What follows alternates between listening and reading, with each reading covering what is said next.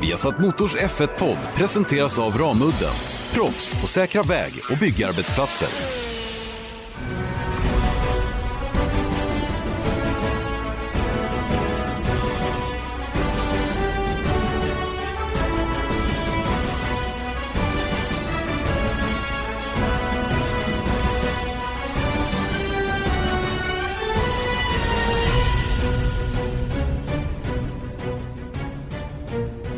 Mycket välkomna till Viasat Motors Formel 1-podd. Janne Blomqvist, Erik Stenborg och vi kan faktiskt för första gången på väldigt, väldigt länge säga race-vecka. Eh, och det här kommer självklart att eh, prägla eh, veckans Formel 1-podd där vi inleder i alla fall med att titta på Formel 1-testerna som avslutades förra veckan där allting håller på att packas ihop nu och skickas iväg till Melbourne. Vad, vad kunde vi utläsa av de här åtta testdagarna? Eh, det går vi in på både jag och Erik.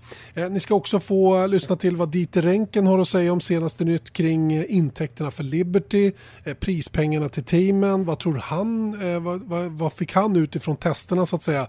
Hur ligger det till för Williams? Och eh, den här Win Now, eller vad vi ska kalla den här sponsorn på på Ferrari är ju faktiskt på väg bort. Mer om det längre fram i podden. Och absolut sist, men verkligen inte minst, eh, Anders Kron, vår nya inside man i Indycar-depån som eh, snackar med oss om det senaste inför Indycar-premiären som är anledningen till att vi har racevecka, Erik Stenborg. Äntligen racevecka! Mm, faktiskt. Väldigt faktiskt härligt. Toppen, tycker jag. Erik, det är väldigt tidigt på morgonen i USA så att vi får, vi får, att han inte sprudlar av energi, det får vi leva med. Men vad då? Det där var ju jätte, det, var, det var ju från hjärtat kände jag.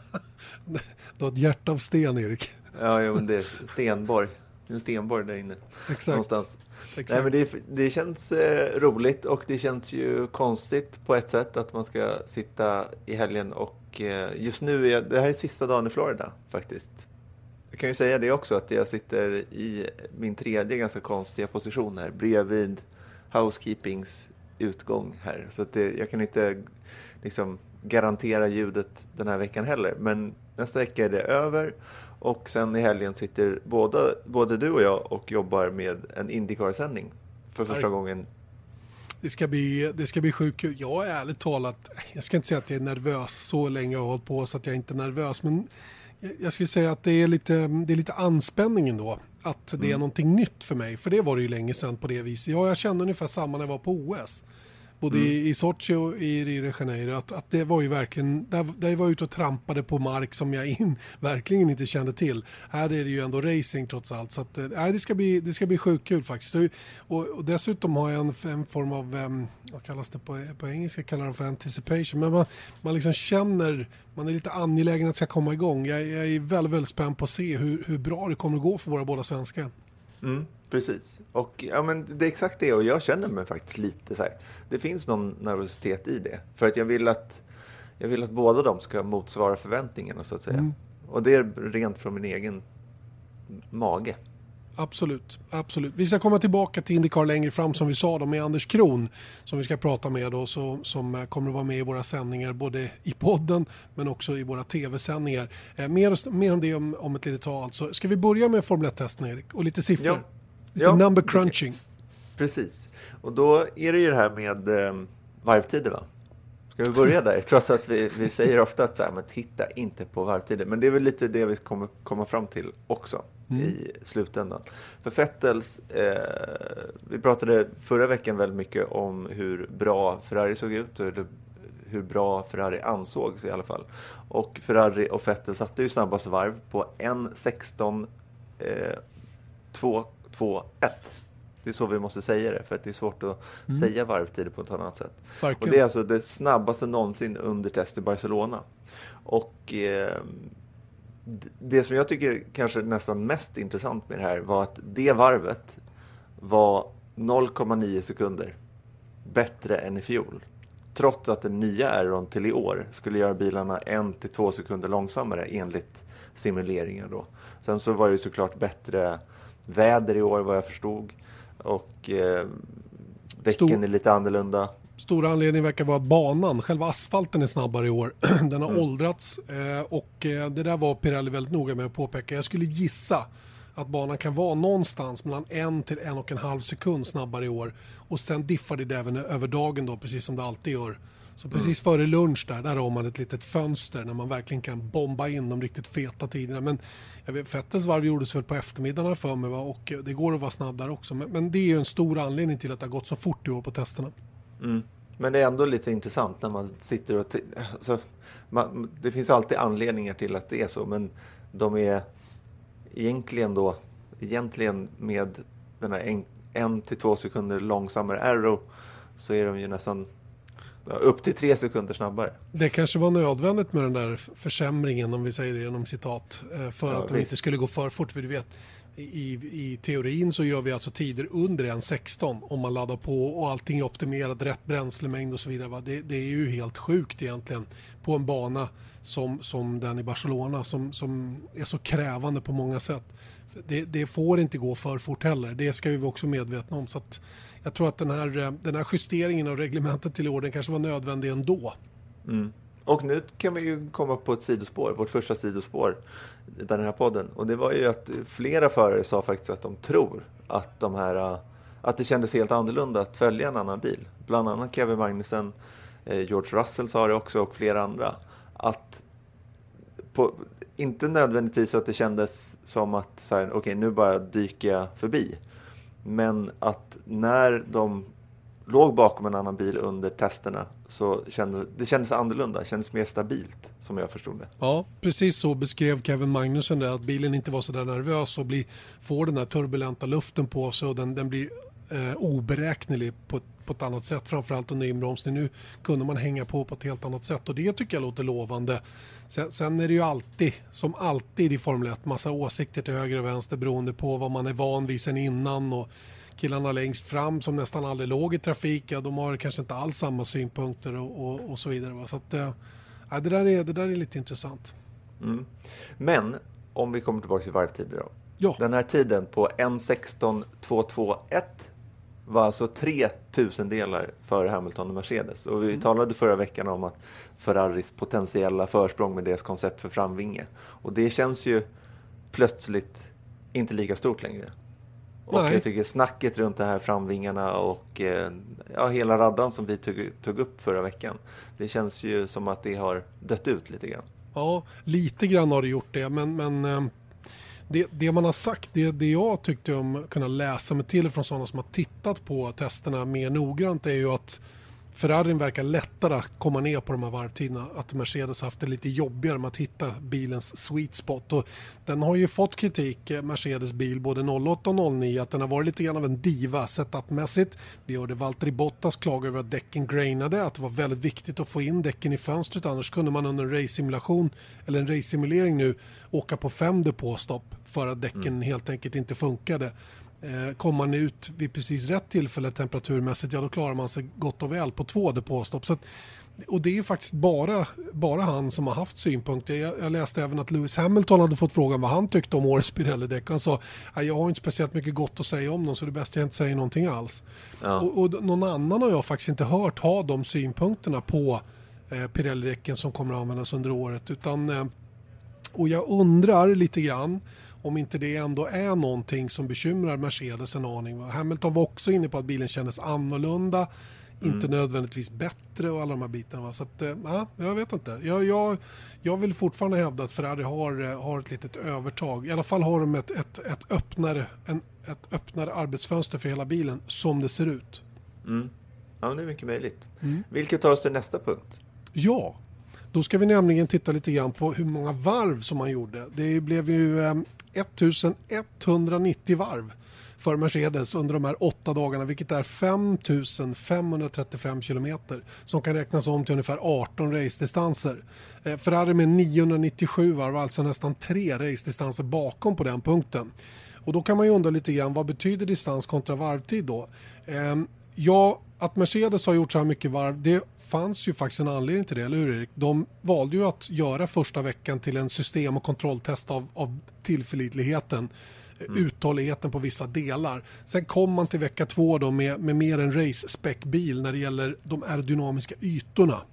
Bilen under skalet var ju naturligtvis samma bil more or less. Men de aerodynamiska ytorna ändrades då till vecka två där man då började lite mer leta efter prestanda och hela den biten. Va? Så det är kanske inte så förvånande att, att Mercedes har fler varv än Ferrari. Men å andra sidan behövde inte Ferrari på samma sätt eh, eh, göra som Mercedes. Dessutom så dröjde det rätt länge tycker jag innan Ferrari började provocera sin bil med setupförändringar som, som kanske skadade farten på banan en del. Då. Eh, jag vet Leclerc sista dag första veckan då var det mycket upplåsningar. Bilen såg väldigt låg ut och den såg ut att ha svårt att hitta det rätta greppet. Så att de, jag tror att Mercedes och Ferrari har haft olika filosofier bara. Sen har de nog kommit fram till ungefär samma slutsats. Mm. Skulle man då kunna säga att på ett sätt att Ferrari haft lite mer problem också?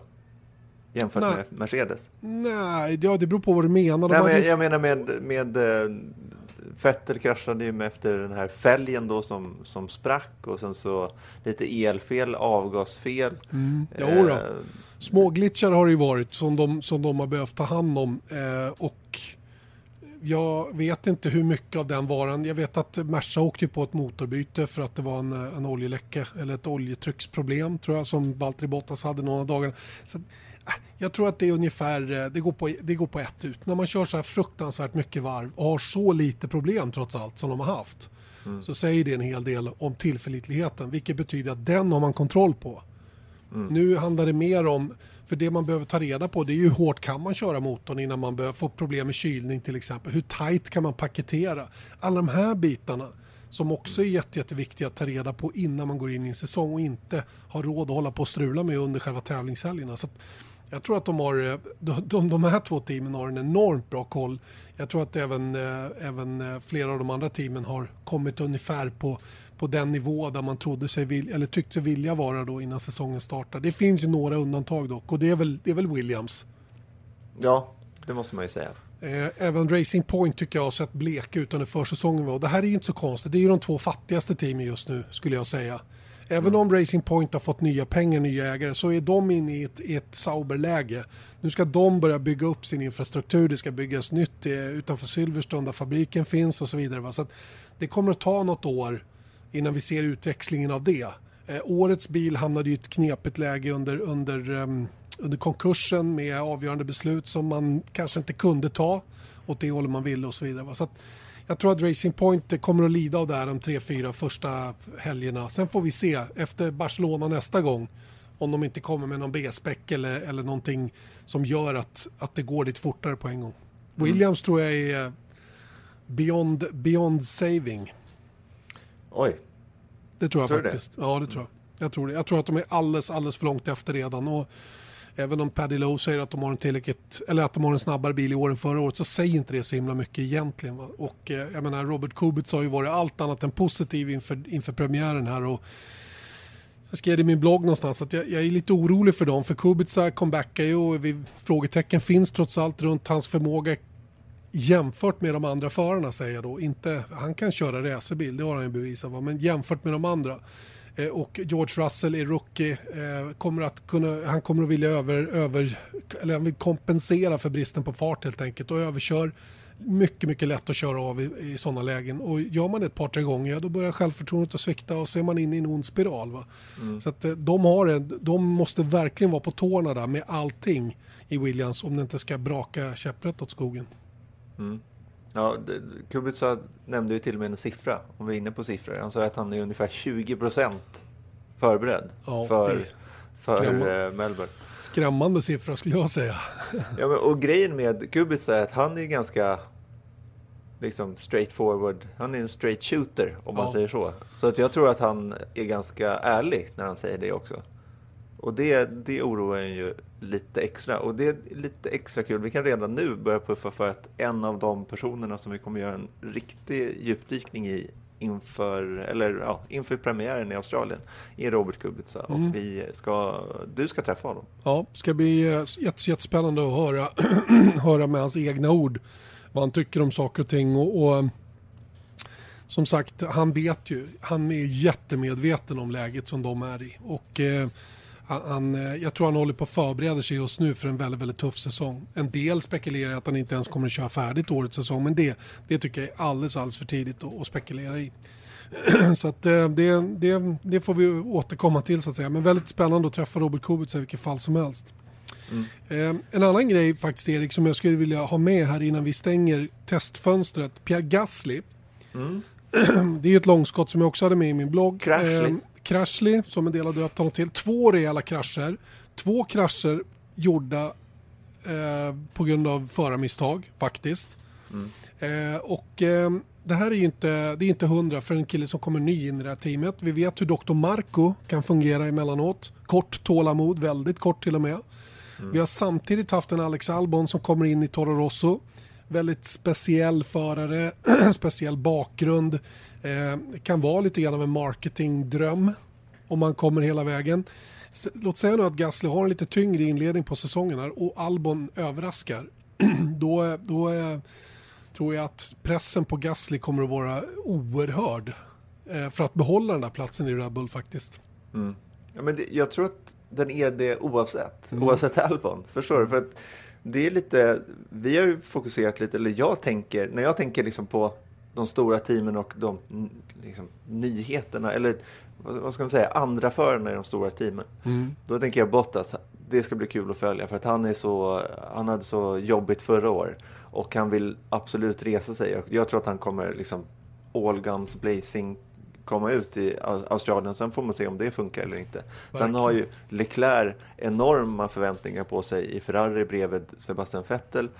Och där kan man också snacka press för att han ska köra för Ferrari nu och eh, jag menar, hittills har han motsvarat förväntningarna. Har han gjort det eller inte? Mm. Och då glömmer man bort Gasly lite. Mm.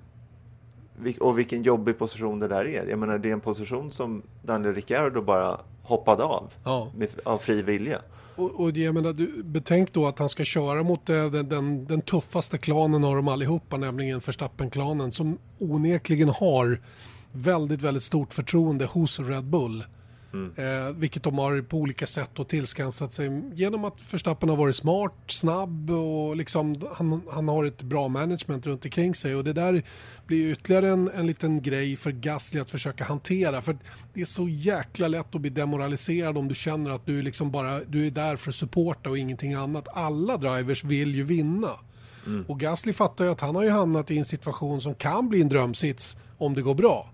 Mm. Men det kan också bli att han bara får åka och, och knuffa förstappen framför sig. Va? Och det, sånt tar ju på psyket, det är jag helt övertygad om. Va? Så det, ja, det, är, det är intressant. Och du tar upp Bottas, det är också en kille med väldigt, väldigt mycket press på sig då inför året. Eh, där allt surr är om Ocon, ska han komma in eller ska han inte komma in och så vidare. Och jag tycker vi har sett en buttrare Bottas på försäsongen. Han har lagt på lite skägg, han har bulkat upp sig lite grann. Mm. Och, inget bullshit liksom från hans sida utan han har bara liksom, boom, han har varit tydlig med att det var en skitsäsong förra året. Nu ska ni få se på, på gnister liksom. Den mm. attityden. Sen om han kan lyckas kanalisera ut det i någonting bra på banan, det får vi se.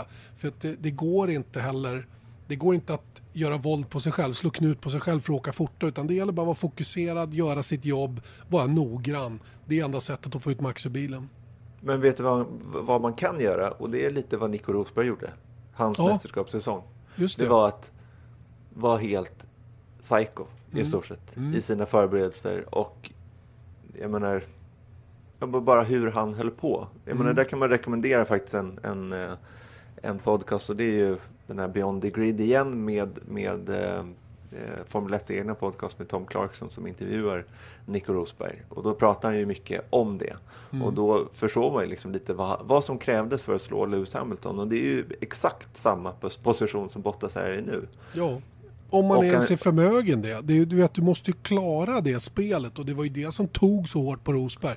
Det där är mm. ingen lätt uppgift att göra det samtidigt som du ska köra fort på banan.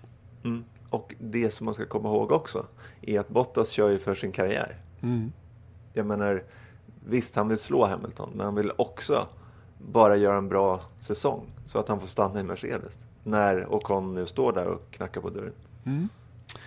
Ja du, det där, är, det, där är, det där är spännande. Jag tycker det finns massor att hänga upp den här säsongen på i det avseendet. Mycket intressanta flöden och, och scenarier som man, som man måste hålla koll på under året. Jag tycker det ska bli sjukt spännande och nu är vi fasen bara en dryg vecka bort. Alltså det känns ju helt overkligt.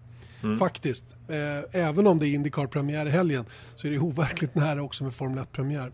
Du, vad tror du då? Ska, du, ska, du, ska du ranka Eh, Dieter Renken kommer att ranka teamet om, om ett tag, teamen om ett tag efter vad han upplevde under testerna. Men vad, vad, liksom, hur känner vi? Och går det att ranka överhuvudtaget? Ja, det är ju den stora frågan. Jag, jag tycker nästan att... Eh... Nej, det gör inte det. För att det är, så, det är alldeles för mycket. Alltså för att kunna göra det på riktigt. Och det är väldigt många som försöker. Jag menar autosport och alla gör ju det.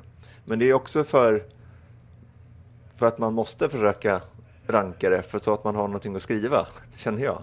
Ja. Så att jag tycker alla, all, allt, i bästa fall blir det väldigt trubbigt. Och det finns variabler som man inte kan ta i beaktning och så vidare. Men låt mig göra ett försök i form av att titta på topp tre och det är väldigt lätt och kanske toppen av mittfältet. Och där tror jag och hoppas att det är Ferrari som i alla fall har bilen att kunna utmana VM hela vägen. Mm. Men det är, ju, det är ju bara en sån här magkänsleförhoppning, bara för att jag tycker att det vore bra att, eh, att, och kul att se en fight in på målsnöret, som jag hoppades på förra året och året innan det. Ja, Allting. för sen spelar det ingen roll om det är Merca eller Ferrari som vinner, bara det blir Nej. fight ända in till kaklet så att säga. Mm, och att då Ferrari kanske behöver en lite snabbare bil för att kunna ta den fighten till de här eh, oslagbara Mercedes. Mm. Hur som helst, men jag tror att det blir en jämn fight med Mercedes. Men jag tror och hoppas att Ferrari har ett litet övertag fortfarande. Red Bull känns ju klar trea. Ja. Det Så är det ju bara. Mm.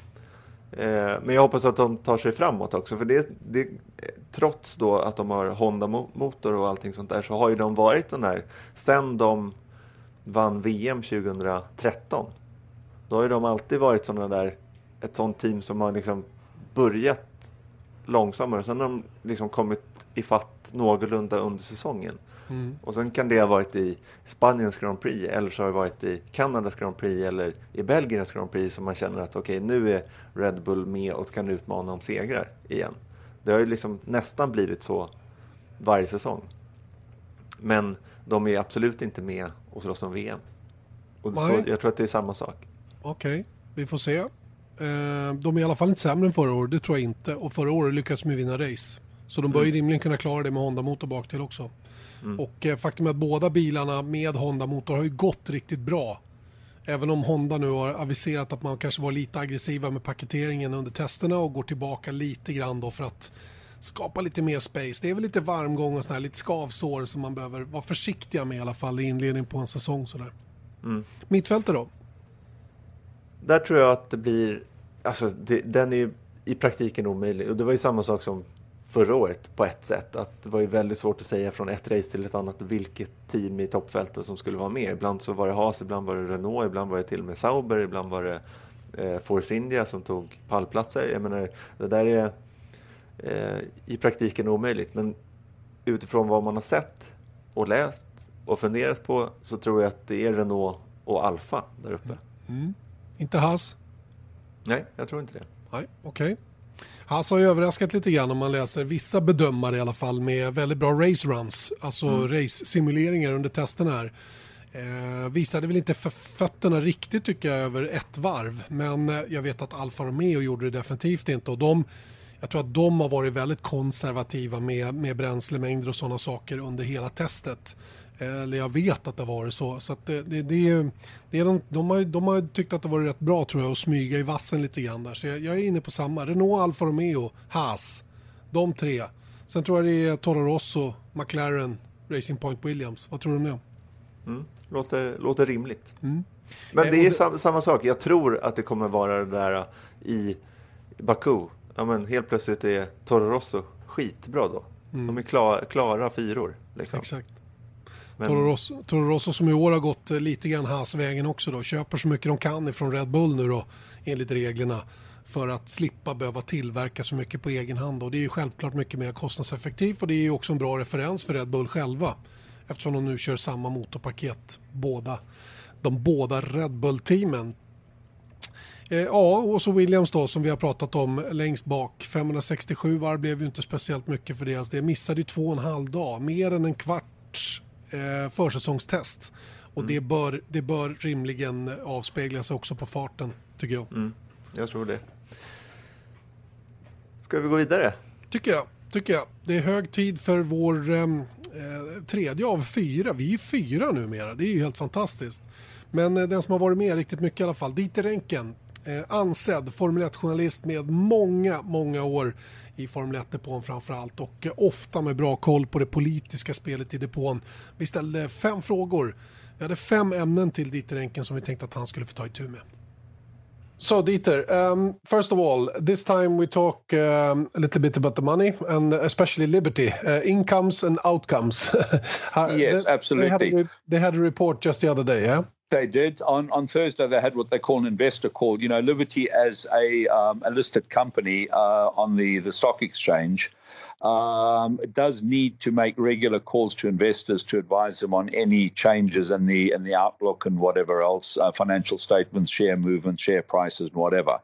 And so they do what they call a quarterly investor call, and um, uh, the call on Thursday was actually for Q4 2018.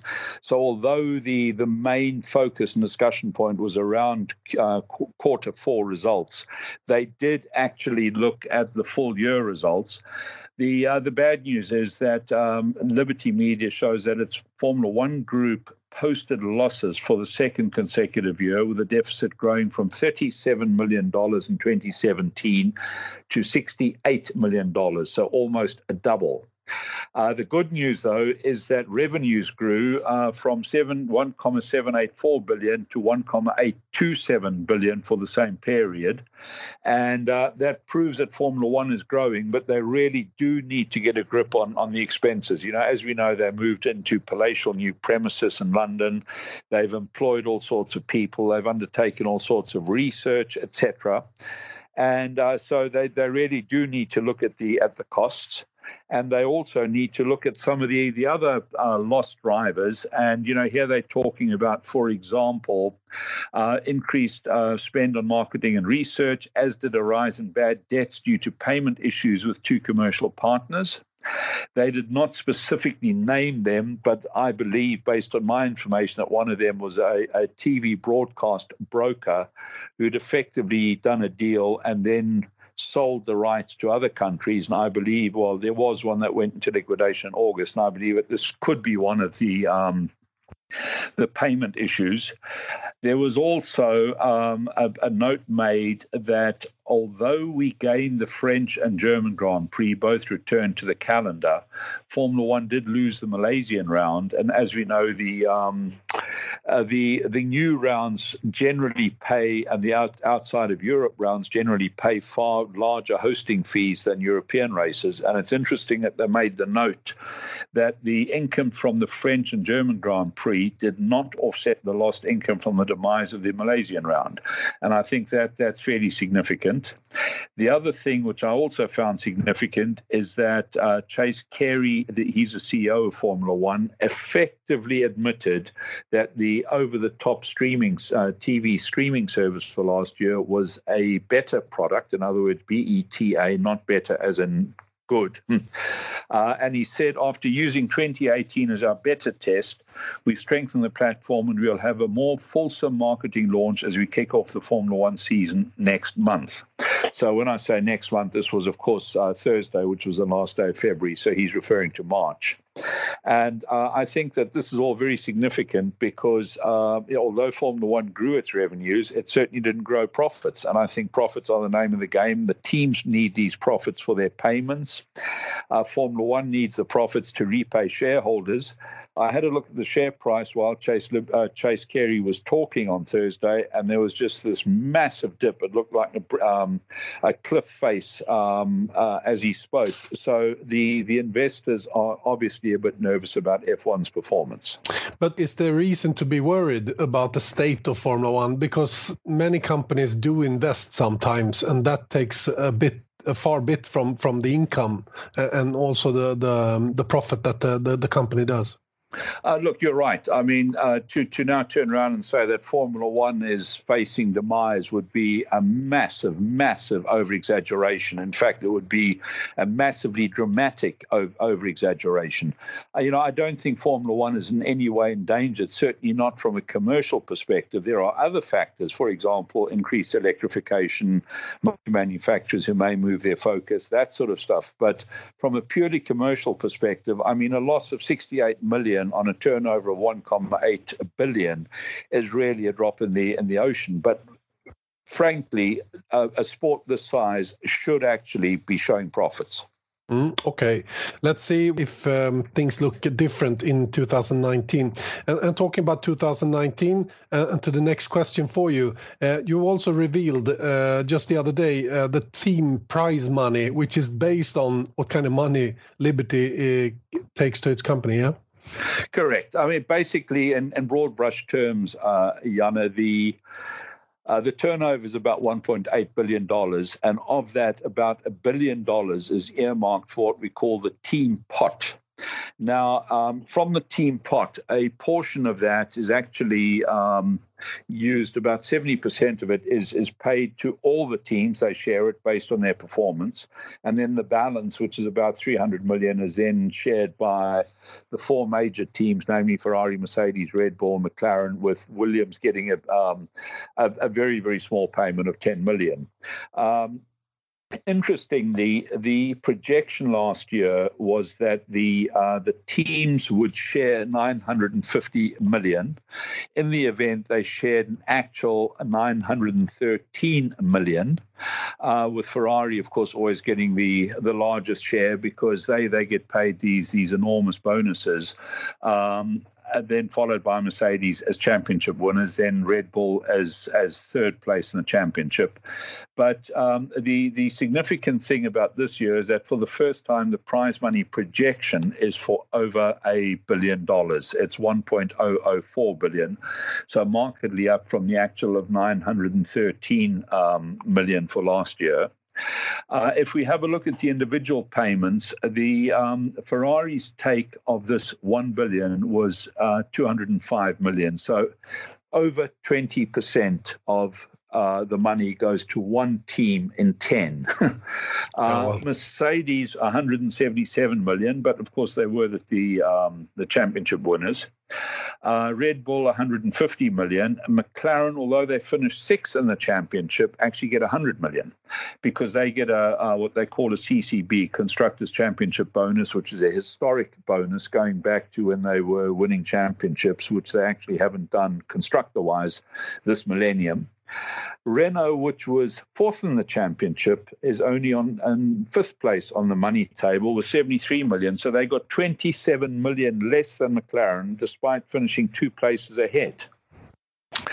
And then we have other anomalies. Williams, for example, was last. They were 10th in the championship, yet uh, they are uh, seventh in the prize money table because they get this 10 million payment. So where they're actually earned 50 million, they ended up getting 60 million because they got this 10 million bonus. So you have teams like Haas who finished fifth versus Williams as tenth, um, and and they effectively um, uh, Williams gets almost as much money as they do. Hmm. Oh well, we, we know the story around this, and it's it's uh, it's not good for the sport. But it's interesting, although, to see uh, to see what kind of money the teams get from, and and they make uh, the Formula One itself becoming the, the the biggest sponsor of every team. Well, yes, and I think this was all, always part of Bernie Ecclestone's strategy because if he allowed the teams, um, well, if the teams had the freedom to go outside for sponsorship, in other words, if the largest income stream was outside sponsorship, they wouldn't be dependent upon him. So, um, effectively, by going for a pay per view type television um, strategy where uh, eyeballs dropped massively by 30 to 40% over the last uh, eight or 10 years, it obviously means Formula One is less attractive to commercial sponsors because there are less eyeballs watching it. So, it's more difficult on t- to do a on TV. deal On TV, on, should on TV, that is. Yeah, yeah on yeah. TV, of course. Yeah. It's pay per view TV I'm talking about. Yeah, yeah. So um, TV eyeballs have dropped by uh, 30 to 40% over the last eight odd years. Uh, that makes the sport less attractive to sponsors from a television audience perspective which means that the bulk of the income comes from the pay TV deals rather than their own commercial sponsorship endeavors, which makes them more dependent upon the commercial rights holder, which of course gives the commercial rights holder more power over the teams. Yep. Uh, and you know this was illustrated perfectly in the um, in 2008 2009 when we had a lot of motor manufacturers who didn't need commercial sponsorship to race because obviously their parent companies were massively wealthy. Uh, so yes, they did commercial deals, but they weren't crucial to their survival. And of course, these teams could actually they held the whip hand and they were able to dictate terms to uh, to FOM and the FI as it was then, which is why they threatened breakaway championships, etc. Whereas you know teams that are dependent upon sponsorship, uh, uh, commercial income from the commercial rights holder, obviously won't take that step because it's far too big a risk. But but is it a, is it a bad business model to have Formula One sort of bringing in the money to the teams? Or should it be uh, up to every team to bring their own money in? Well, I think that we need a balance between the two. I think I've always said uh, that what we should have is um, a straightforward performance based uh, revenue structure. So if you win the championship, whether your car is red or green or pink, you get the same amount of money. um, and and obviously, if you come last and your car happens to be red, well, tough.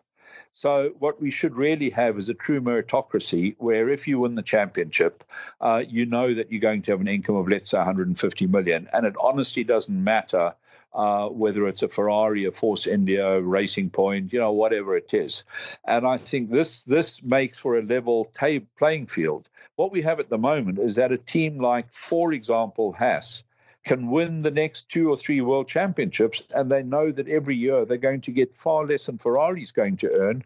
Uh, uh, just even if Ferrari comes last in the championship, which which can't be right. No, but that's how you spread the money. I'm talking about how you bring the money to the team. I mean, to have Formula One being being the one who collects the money, sort of from from TV rights and from own sponsorship or whatever, and then how you how you um, how you spread the money to the teams. That's a different story. But is it a bad business model? Do you think to have liberty to to take such a big responsibility in bringing the money to the sport? Well, I, I, think, as I said right at the beginning, uh, was that we need a balanced approach. What we, what we need is a, is a proper mix of commercial sponsorship, which the teams can raise themselves through a very healthy um, audience, a television audience. Then we need some of the money from the broadcasters to go to the teams, of course, but also they should be able to um, to do their own thing. So um, I think the, the we, what we have at the moment is not an unhealthy model. What we have is an imbalance model.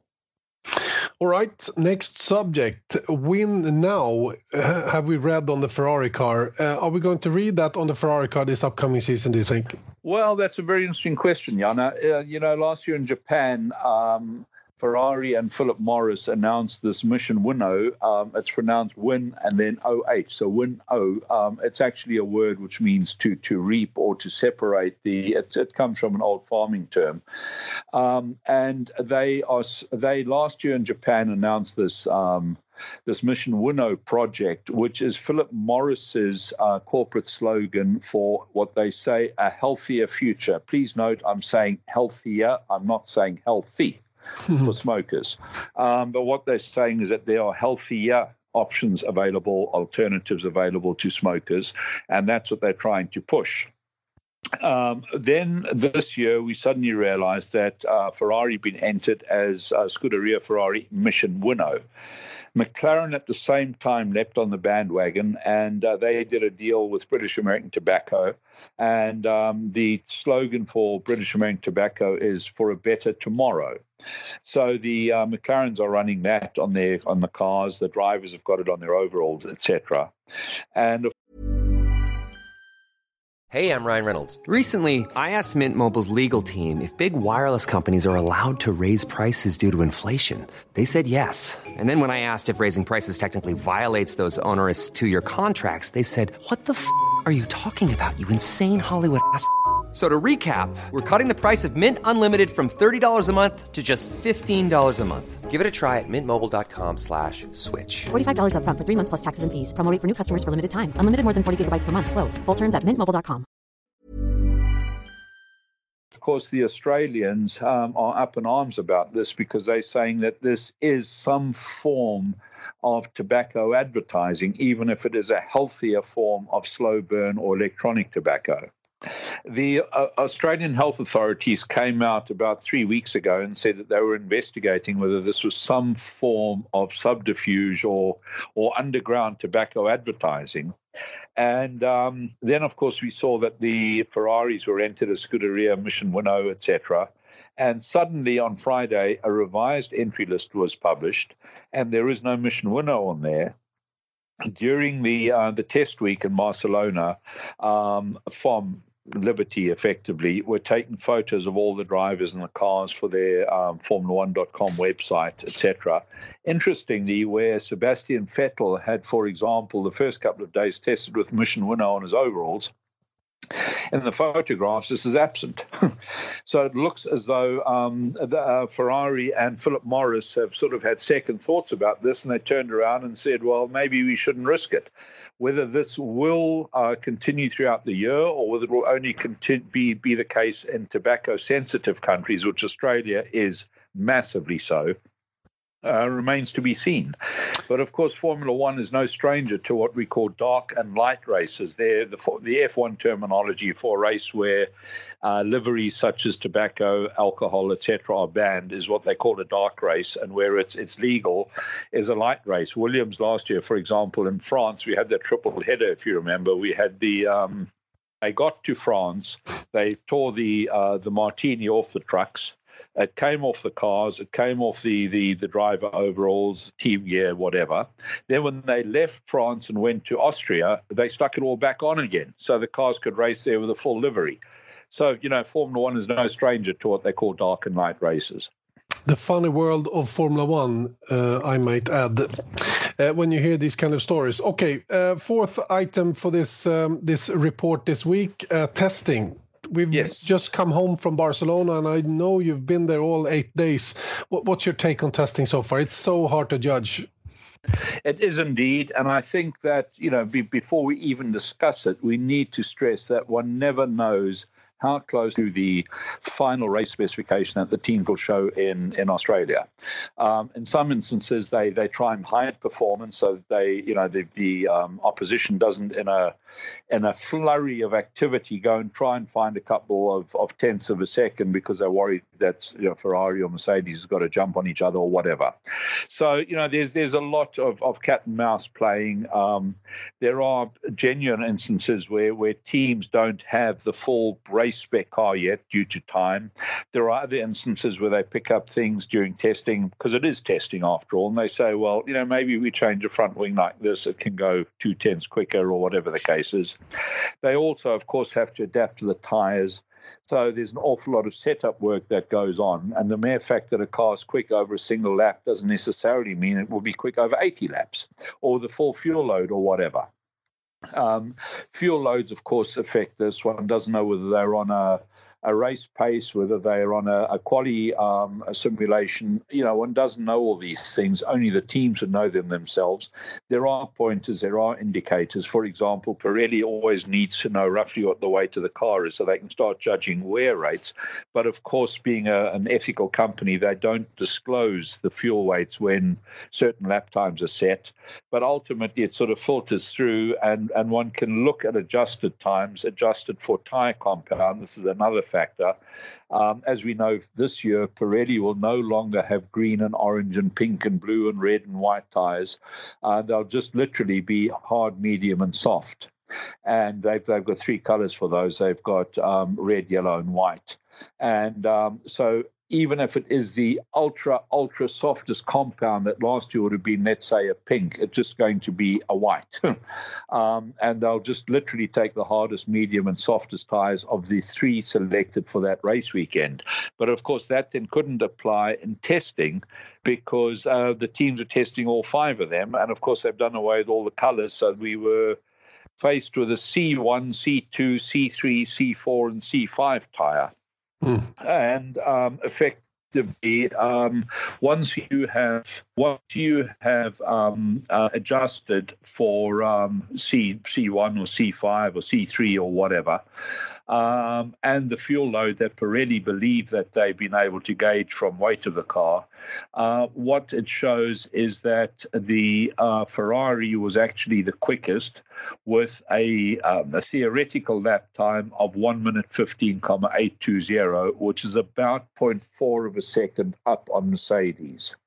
I'm willing to accept that this was the case in Barcelona because certainly the two Mercedes drivers did say that they didn't believe their car was anywhere near the um, the uh, Ferrari performance.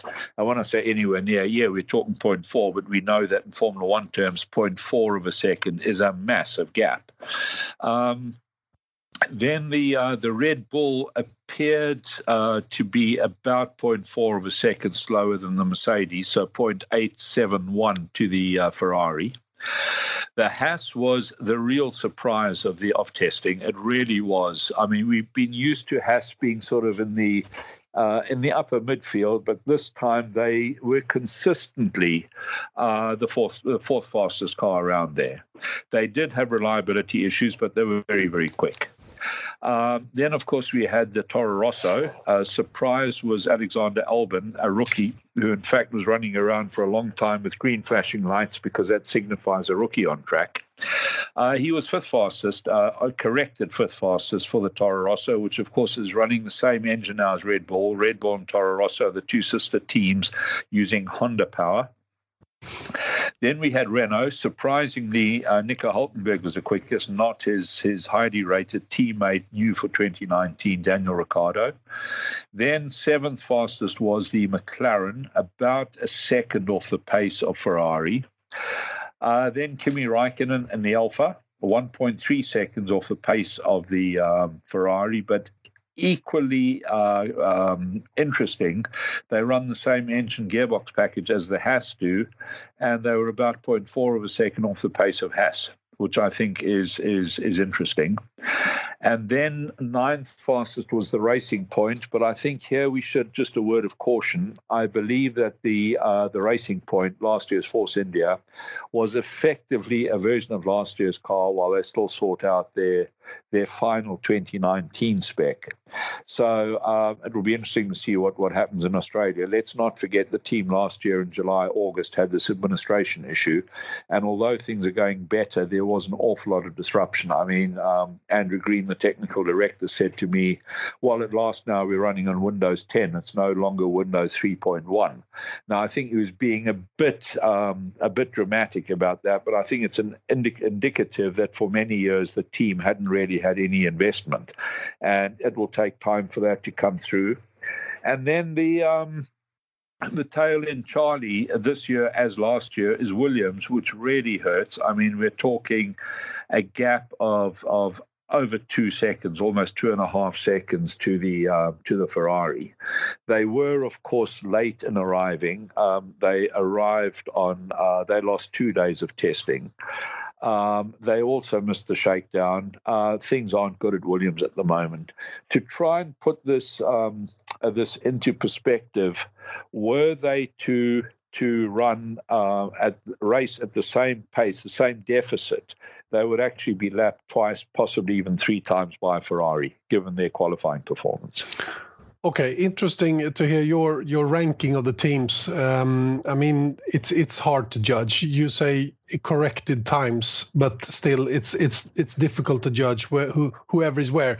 We can we can if we if we summon this sort of, we have three teams in the top as last year. We have Ferrari, Mercedes, and Red Bull, and we have a very, very tight midfield again. And we have one team sliding off in the back end, and that's Williams. And and talking about Williams, um, what is the problem in the team at the moment? Is is is it Paddy Lowe or is it money or is it? Do you know? I think it's a combination of many, many, many factors. You know, um, Jana, in Formula One, there's never a, a single um, reason either for performance or lack of performance. You know, there's there's always a number of reasons that have, that come together, what we call a perfect storm.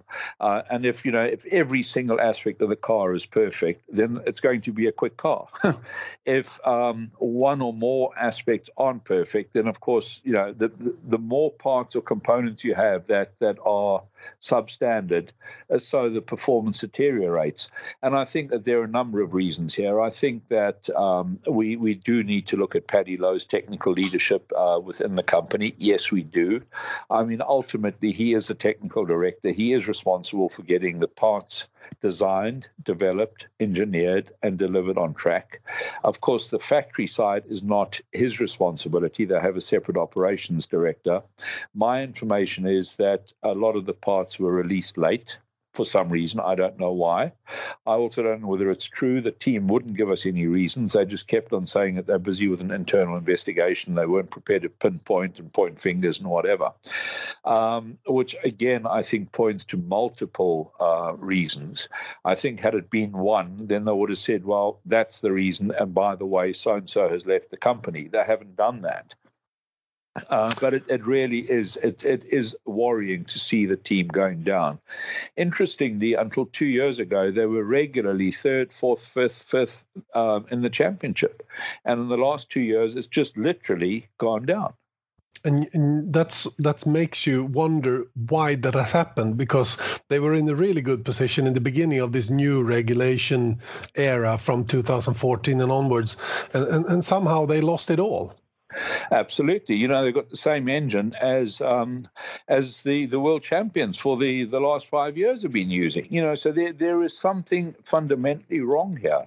Um, in terms of money, they don't have the, the smallest budget. Yes, they are carrying a big overhead because, of course, they're geared up to being a world championship type team, but they don't have world championship type money. Uh, but by the same token, you know, they're running the same engine as as Force India was last year, and Force India had a far smaller budget, and in fact went into administration. Yet Force India was at that stage um, fifth in the championship, whereas Williams was tenth.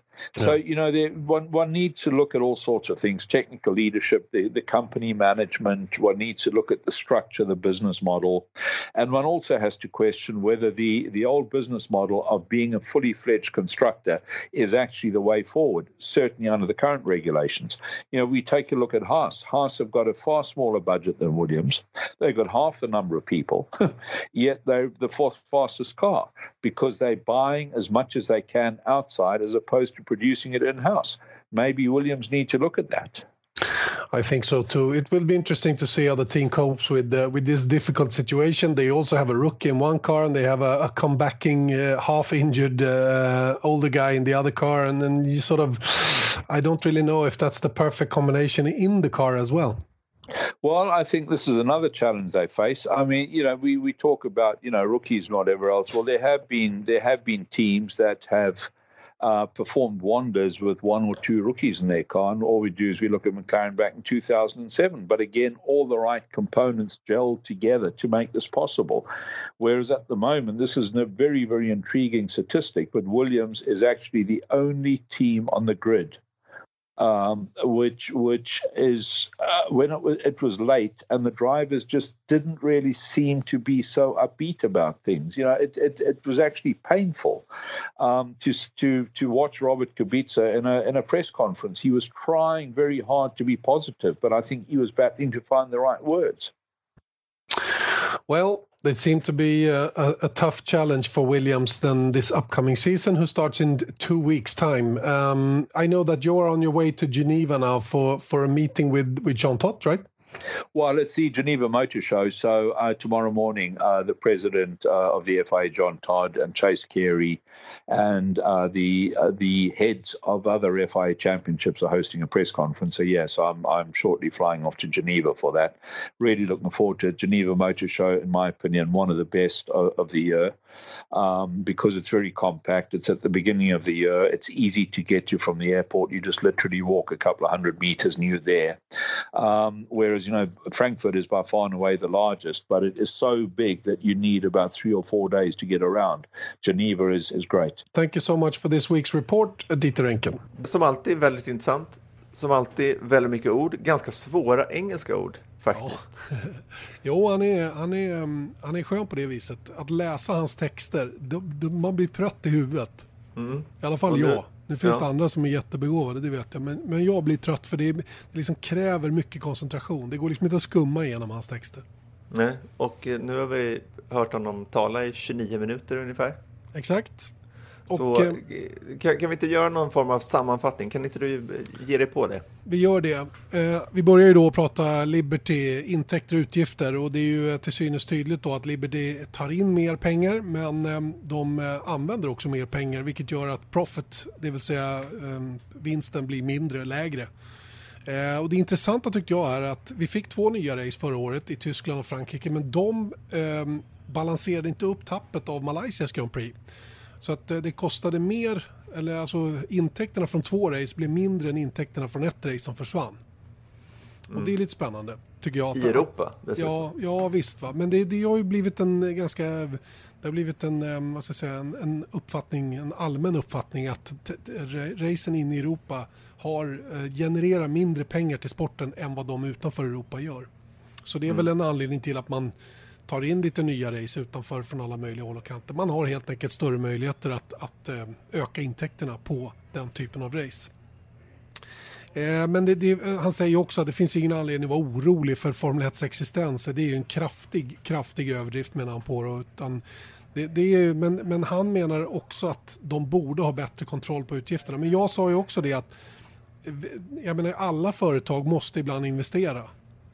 Och då är det väl Precis. bra att göra det när man tar in lite mer pengar då och eh, det är för att i förlängningen då kunna veva in pengarna och det där är ju deras OTT-tjänst till exempel F1 TV Pro är en sån del som behöver liksom förfinas ytterligare lite grann då för att se till att det blir de inkomster man förväntar sig.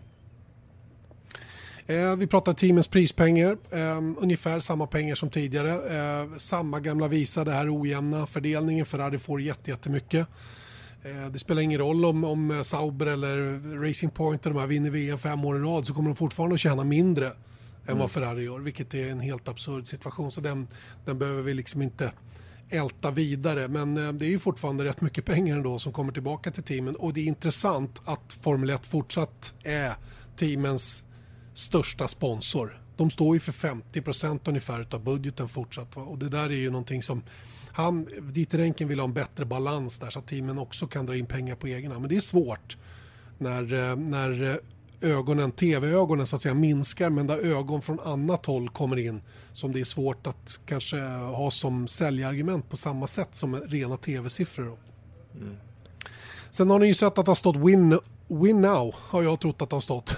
på ja, Mission win now. Ja. Det var jag helt övertygad om att det var det som var under, men, underliggande betydelsen. Ja visst, va? men det, det, det står för winnow egentligen. Mm. Och eh, det här är ju någonting som man, man eh, försökte beskriva för dig. Om man har, om man har eh, så här, eh, låt säga att man har eh, frön eller någonting som man har malt och så vill man få bort skalen. Och då kastar man upp det där i luften och så försvinner det lättflyktiga skalen men det tyngre så att säga, det kommer tillbaka ner i handen. Det är winnow. Att mm. städa bort, kasta, eh, rensa ur eh, typ. Det är ju ta, ta bort det dåliga och behålla det bra. Typ, och det hänger ju ihop. Det här är ju alltså ett Philip Morris-märke. Mm. Men det försvinner nu från Ferrari. Det fanns i teamnamnet, men det är borta. Det är borta från overallerna enligt uppgift och eh, det här hänger ihop lite grann med att, eh, att eh, till exempel Australien är jätte, jättenoga med det här med tobaksreklam och det, det verkar ju som att det finns något form av gråfönster där. Vi har ju eh, For a better future, heter det det, på McLaren. Som är sånt, ja. BAT, alltså British American Tobacco, som, som har kommit in också då. Och då pratar man om dark, eh, vad, vad, sa han, mörk eller ljus eh, reklam. Ni vet ju mm. att man fick inte ha martini på bilarna till exempel i vissa länder. Och så här, mm. Det kan bli ett liknande läge då med den här typen av eh, eh, marknadsföring också. Att den får finnas på, i vissa länder men inte i andra. Och yeah. det är ju ett ganska välkänt eh, fenomen då. Eh, vi gick igenom testerna, inga konstigheter där. Han hade Haas väldigt högt upp dit i ränken då enligt de siffror han hade. Då. Och eh, de enda som vet bränslemängderna, det är lite intressant, det är faktiskt Pirelli.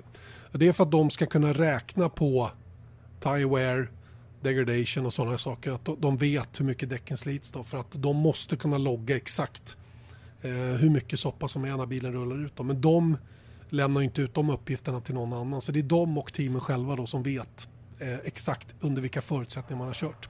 Mm. Och sen pratar vi Williams förstås då där det är tufft för Williams. Det är inget, inget undantag i tyckandet därifrån från Dieter Enkens sida. Och det, de har det kämpigt nu just. Eh, och eh, att varför delarna blev sena till bilarna och så vidare det, det, är ju ingen som riktigt kan svara på eftersom Williams själva inte vill peka finger utan de behöver göra en noggrann undersökning nu och komma fram till vad det var som, som gick galet inför säsongen.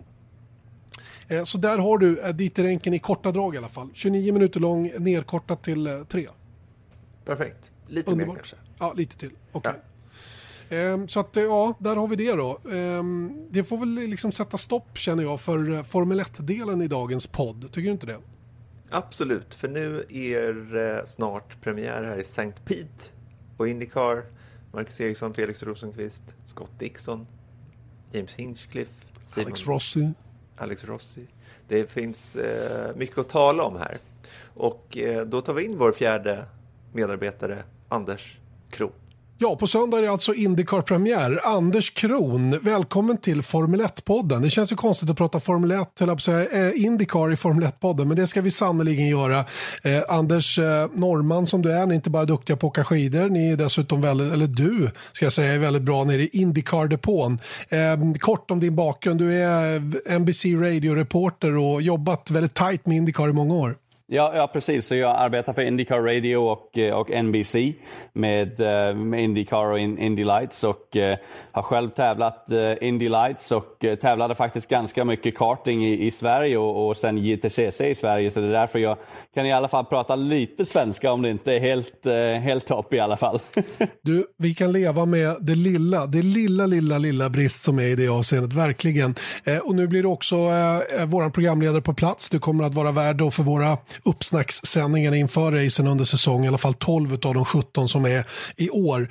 Ehm, och premiären är i Sankt Petersburg nu då på söndag, eller till helgen. Ehm, hur, eh, vad är din känsla? Hur, hur liksom, det är ny säsong och, och ny, ny, ny taggning igen. Ja, nej, jag, jag, är jättetaggad och jag tror det blir en jättebra säsong. För i fjol var det ju nu en, en ny aerokit. Så det var många, många så här faktorer som man inte visste vem, vem som ska vara snabb och sådär. Men nu har vi haft ett helt år med den här aerokitten. Jag tror vi, vi ser vem som är favoriterna. Eh, vi har många bra rookies, inkluderade ja, självklart två, två, eh, två svenskar med, med Felix och Marcus. Eh, men, men jag tror det blir, det blir nog det, det bästa Indycar-säsongen vi, vi har sett i över tio tio år tror jag. Och man ser också att intresset världen över stiger. Nu kommer brittiska Sky och sända Indycar till exempel. Vi i Sverige, eller vi uppe i, i Skandinavien sänder eh, Indycar och det blir en mer internationell serie igen. Kanske på väg tillbaka när det var som, som allra störst för 15-talet år eller vad jag ska säga sen. Ja, absolut. Och det, det, tror jag, mycket av det kommer ju till det att eh, eh, racingen är ju jättebra. Alltså det är mycket omkörningar, det är mycket action och sådär. Uh, och uh, ja, för, för mig, uh, jag kom ju över här till USA för 11 år sedan nu. Och det, var, det var det här, jag var helt fascinerad med Indycar och hur kul det här var. Och, och för mig att kunna prata om det här nu på svenska, det, det, blir, det blir jättespännande. Ja, Okej, okay, du berör favoriterna. Vilka är favoriterna? Scott Dixon förstås, regerande mästare. Alexander Rossi som var tvåa förra året. Är det någon mer som du vill nämna i favoritsnacket? Ja, det, det blir nog Alexander Rossi tror jag som, som eh, är favoriten. Men uh, Will Power tror jag också kommer bli jättestark för han har en Chevy. De har arbetat väldigt, väldigt hårt över vintern med att raffinera den motoren där. Um, Alexander Rossi och Scott Dixon med Honda. Uh, lite mindre power men, men lite mer linjär delivery av, av kraften så det är kanske lite bättre på en bana som, som St. Petersburg. Men sen så är det bara vem som kommer vara consistent genom hela säsongen för det är ju det som är Scott Dixon är, är all, allra bäst på. Han gör inga misstag och det gjorde Alexander Rossi. Det var ett par tävlingar i fjol där han gjorde ett par misstag och uh, ja, men, men det tror jag inte han kommer att göra i år. Um, det är ju intressant. Var hamnar svenskarna i alltihopa det här då? Är, är det, är det topp 10 i mästerskapet vi ska liksom sikta på för deras del? Är det kanske till och med att gå i överkant eller är det en rimlig målsättning tycker du? Om, om de kommer topp 10 i mästerskapet så vill det vara jättebra. För det, det, det, är, så, det är så väldigt svårt mästerskap att, att putta ihop en, en hel säsong i. Uh, det, det, är inte bara att, att, ha speed varje helg, det är att vara consistent. Man måste förstå strategi, fuel save, alla de här elementen. Sen så har man ju ovalbanorna som är ett helt nytt, uh, en helt ny sak för de här. Så för mig, om de kommer topp 10 i mästerskapet så det vill det vara jättebra. Och eh, om vi tittar till dem isolerat då. Eh, Felix Rosenqvist kör alltså för Chip Ganassi då som är mästarteamet, Scott Dixons team. Eh, Felix har redan fått mycket beröm, både av Scott Dixon men också Dario Franchitti som, som är deras förarcoach. Eh, det märks att man har stora förväntningar på Felix prestation eh, redan den här debutsäsongen. Eh, håller du med om de här förväntningarna? Ja, absolut. Det har ju Felix visat i, Formel E och Super Formula och, eh, och Super GT. Alltså han, han, kan ju köra vad som helst. Han kan åka ja, en, en vilken som helst bil och det, det har han ju visat. Det är ju därför han fick den här möjligheten med Chip Ganassi. Uh, och uh, jag tror han kommer bli jättestark och speciellt på banor som St. Petersburg där han vann ju tävlingen i Toronto Indy Lights för två eller, tre, två, två eller tre år sedan. Um, han är jättebra på de där banorna. På ovalbanorna blir det nog lite svårare för honom, men där har han ju Scott Dixon som eh, teamkamrat och det, det kommer hjälpa på mycket. Uh, för, för, Marcus kommer det nog bli enklast på de vanliga banorna som, som Barber Motorsports Park, uh, Kota, uh, Road America och sådär. Det är ju typ banor som han, som han är ganska vana med. Men, men när det gäller Felix är det nog han som är favoriten av de två i St. Petersburg. Mm. Ja, det ska bli spännande. Ehm, och teammässigt så har vi the, the Big Three, Chip Ganassi då, där Felix alltså kör. Vi har Penske, vi har Andretti Motorsport. De är ju liksom de största. Sen har vi resten, kan vi nästan säga. va. Ehm, och i det resten in, återfinns då Schmidt Peterson Motorsport som dock vill göra Big Three till the Big Four. Hur nära är man att, att liksom komma in där och verkligen kunna gå för en mästerskapstitel? Eh, eh, alltså, saken är ju så att alla, alla teamen är ju ganska nära de här topp tre och, och, när man ser på resultatlistorna från, från varje år så är det ju varje team eh, som regel vinner ju tävlingar varje år. Eh, så det är, det är inte som Formel 1 i det här sättet att, att det bara är tre team som har möjlighet att vinna. Här faktiskt har varje team möjligheter men det är bara att genom ett helt mästerskap så är det typ de, de topp tre som är lite bättre på varje bana, lite bättre att bara ta ut eh, engineering och sådär Eh, med stötdämpare och sådär. Eh, jag tror Schmidt Peterson, Arrow Schmidt Peterson har en jättebra möjlighet i år för de har eh, bättre resurser nu, eh, de har bättre consistency med, med folk på, på teamet så eh, jag tror de kommer ha jättebra möjlighet. Alright, och ehm, eh, St. Petersburg, banan i St. Petersburg då, körs på ett eh, delvis ett flygfält för sportflygplan men sen också in i stan. Där. Vad kan du säga om själva banan? Den är väldigt tekniskt eh, svår och, och det, det, kommer hjälpa Felix i alla fall för han har ju tävlat på den banan innan. Det är typ ganska, ganska likt de banorna han tävlar på i Formel E som är gatubana, väldigt, väldigt trånga, trånga svängar och sådär. Uh, men det, det, är typ väldigt mycket action där, för det är långa raker, sen väldigt hårt på, på bromsarna in i svängarna.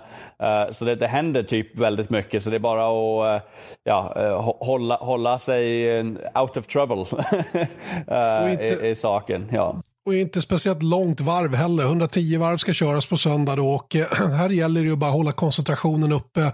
Eh, inte få så kallad brain fade som man ofta kan få på stadsbanor och sen sitter man ju lågt, man ser inte in i nästa sväng och så vidare. Och det, är mycket små saker som kan inträffa. Vad tror du om väder och sådana saker? Det brukar inte vara helt oviktigt.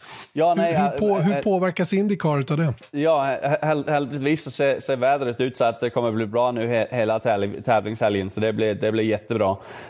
Um, det, det blir fint och varmt, men, men banan ändrar sig väldigt mycket med greppet. För eh, som du sa, det är på en flygplats, sen så är det i gatorna, så det är inget grepp eh, på fredag morgon. Eh, sen så blir greppet bara bättre och bättre och bättre, men det ändrar också balansen i bilen. Så det blir typiskt mycket, mycket mer understyrt genom hela helgen. Så det är då eh, målet för teamen måste vara att starta med en bil som är mycket, mycket för nervös. Så att när det är tid för, för kvalet, då är, då är balansen perfekt. Och, och, hur mycket tid har man då att, att eh, så att säga korrigera efter vad som händer med banan så att säga. För det gäller ju inte att gå vilse med setupen heller. Nej, när nej, man väl, a, a, a, det gäller liksom att veta. Men, men, men eh, man får röra på bilen ända fram till kval eller även efter kval? Ja, absolut. Så, så man, man, kan ändra på bilen så mycket man vill me mellan de här träningarna, men det är bara eh, 45 minuter träningssession. Eh, två av dem på fredag, sen en på lördag, sen så in i kvalet och sen bara en warm-up på, på söndag. Så det är, det, det, är ganska tätt om tid och det är inte mycket tid om man, om man lastar av bilen eh, med en dålig setup så, så kan det vara en svår, svår helg. Mm. Men eh, de allra flesta har ju varit på Sebring vet jag som är lite grann av testbanan för att just köra i St. Pete's då också väldigt ojämn och hoppig och man, man provar fram allting där och Rosenqvist var där och körde för någon vecka sedan och Marcus eh, bara igår tror jag körde sista, sista passet då innan de gör sig redo då för att åka ner till Florida. Eh, kort om däcken också Anders, eh, det, vi har ju det svarta däcket som är Prime och sen har vi Option då som är det röda eh, så kallade Sticky Tire, eh, ett, ett däck som ingen får köra innan FP2. Det gör ju inte saker och ting lättare direkt. Nej, absolut. Det, det, gör det väldigt spännande för då är det liksom, eh, då måste ingenjörerna och chaufförerna eh, ja, finna ut det här eh, på, på, någon, på någon varv bara. Och det, det gör det jättespännande in, in, i kvalet med lite mer osäkerhet om vem som ska vara, som ska vara starka. Och sen så är det ju så med, med så lågt grepp som det är i St. Petersburg att typiskt sett så är det det röda däcket som man vill vara på så mycket som möjligt genom tävlingen också.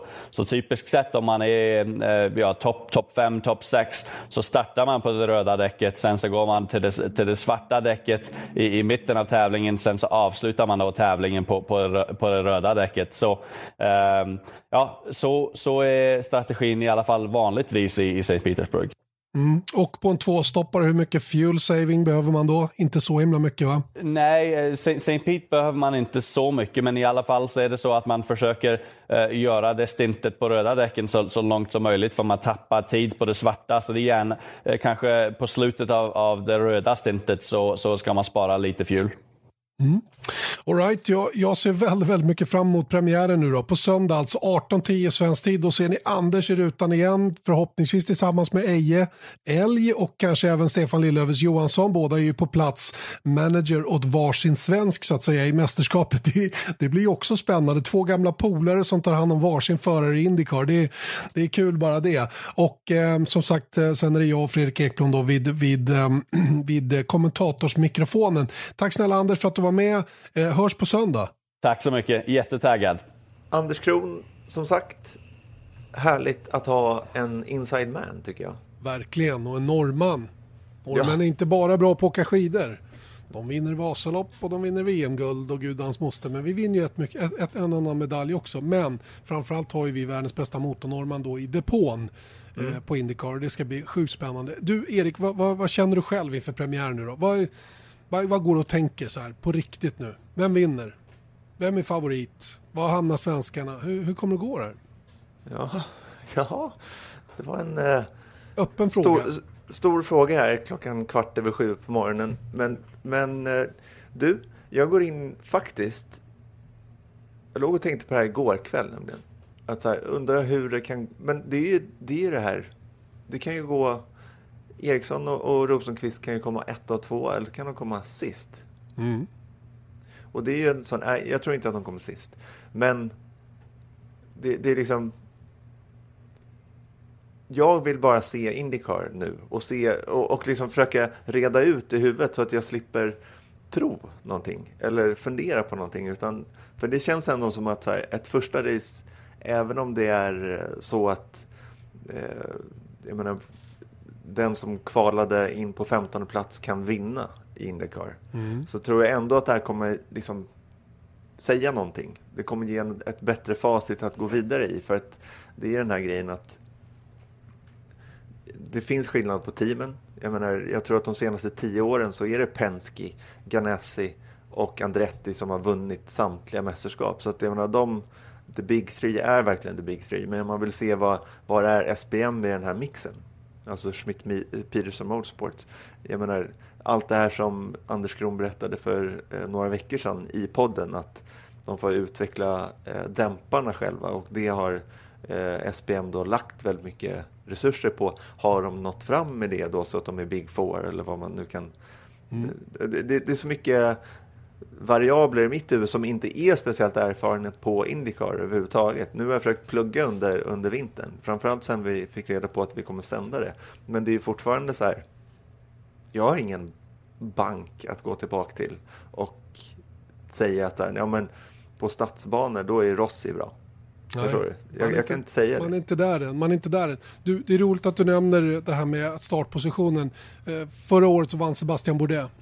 Mm. Eh, han vann, ehm, ledde 30 varv utav 110. Eh, han startade 13 Ja. och vann.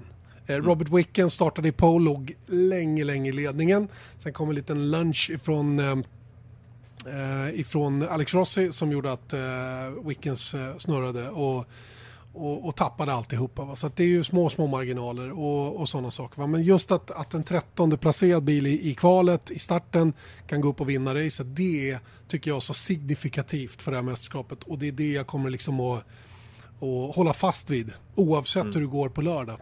Det finns massor med utmaningar både för Eriksson och Rosenqvist när de kommer till St. Pete's.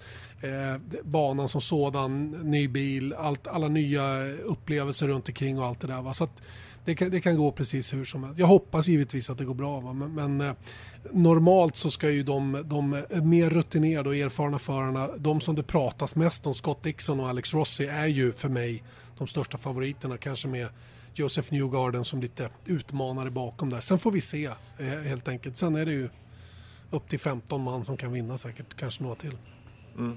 Men det är det som jag tycker är kul nu, för det är där jag sitter och väntar på. Att jag vill bara vänta. Det är 20 i 7 ungefär går starten, svensk tid. På Och då, kom, ja, och då kommer man ju sitta och titta. Och jag är bara spänd på att se hur, hur ska det här gå bara. Mm. Det är det är det enda jag vill. Förstår du? Ja, ja, men, och jag känner mig pirrig och det är precis samma sak när man börjar närma sig en F1-start. Även om det är race 19 på säsongen så känner jag exakt samma känsla. ja, man går in i ett speciellt, ett speciellt mode när det är Mm. dags för start. Sen så eh, har man ju en, en 10 minuter, en kvart kanske in i racet som, man liksom, som saker och ting sätter sig. Men det är Mm. det som är fränt med, med just Indycar också. Att bara för att det har sett ut på ett visst sätt första två tredjedelarna så behöver det inte sluta på det viset. De har ju en ådra för det här med underhållningsvärdet på racen också. Mm. Även om jag satt och kollade på Mid Ohio igår. Jag tror att det var ett helt race utan gul flagg. Ingen caution alls. Från förra året. Gör som i Nascar. Bara skicka ut en caution. Ja men eller hur. Om det händer något får man, eh, får man skapa en situation där man trycker upp fältet lite grann. Sändningen på söndag startar 18.10 Ja, i Viasat Motor och på Viaplay. just.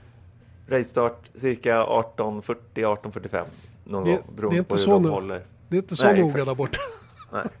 Vi som är vana vid sekundschema. Eh, så, så är det liksom så här, ja men eh, hur ser det? Ja, det är lite, beror på. Det beror på. Precis. Och beror på vad, där, det får vi se. Du, hur är det med vädret där borta? Kan det bli stökigt väder? Du som Du- är där borta. Nej, alltså om det har varit... Jag har varit här i en månad nu. Mm. En gång har det regnat. I varje fall dagtid. Så att jag tror att eh, det känns stabilt. Men sen så har jag hört massa... Men du vet, amerikanska nyhetskanaler. När de pratar om hurricanes och sånt där. Du vet... Jag, det, för det var nämligen sån för typ tio dagar sedan. Ja, ja, och då, visst. då, då, då höll de på att prata om att så här, men nu, nu, nu är det liksom... The end is near. Jordens jag, undergång. jag tror att det regnade lite på natten och sen så var det strålande sol på morgonen igen. Så det, det, det är liksom... Jag, jag, eh, det är nog bättre att komma hem till Sverige och analysera vä- vädret, väderförutsättningarna i Mm. helgen. Men ja, det, det är jättefint. Det är 30 grader på dagarna. Är jättehärligt. Ja, eller hur? Här har vi fått vinter igen. Skitkul. Mm. Jag åker hem idag, Janne, Ja, så snart är vi i samma situation. Jag, förstod, jag förstod att det var därför. Mm. Du skulle ha stannat en månad till. Mm. Nu hade jag missat F1-premiären. Du får Det- inte göra det det själv. Nej, det går inte. Det Nej. går inte. Tack Erik för din tid och tidiga morgon. Gå nu och ät lite god frukost, ta en eh, kaffe latte och en bulla Ska med bli. familjen. Så, eh, så syns vi på fredag. Ja, In the vi. flesh. Härligt. In the flash. Underbart. Härligt. Ha det gott så länge. Detsamma. Viasat Motors F1-podd presenteras av Ramudden. Proffs på säkra väg och byggarbetsplatser.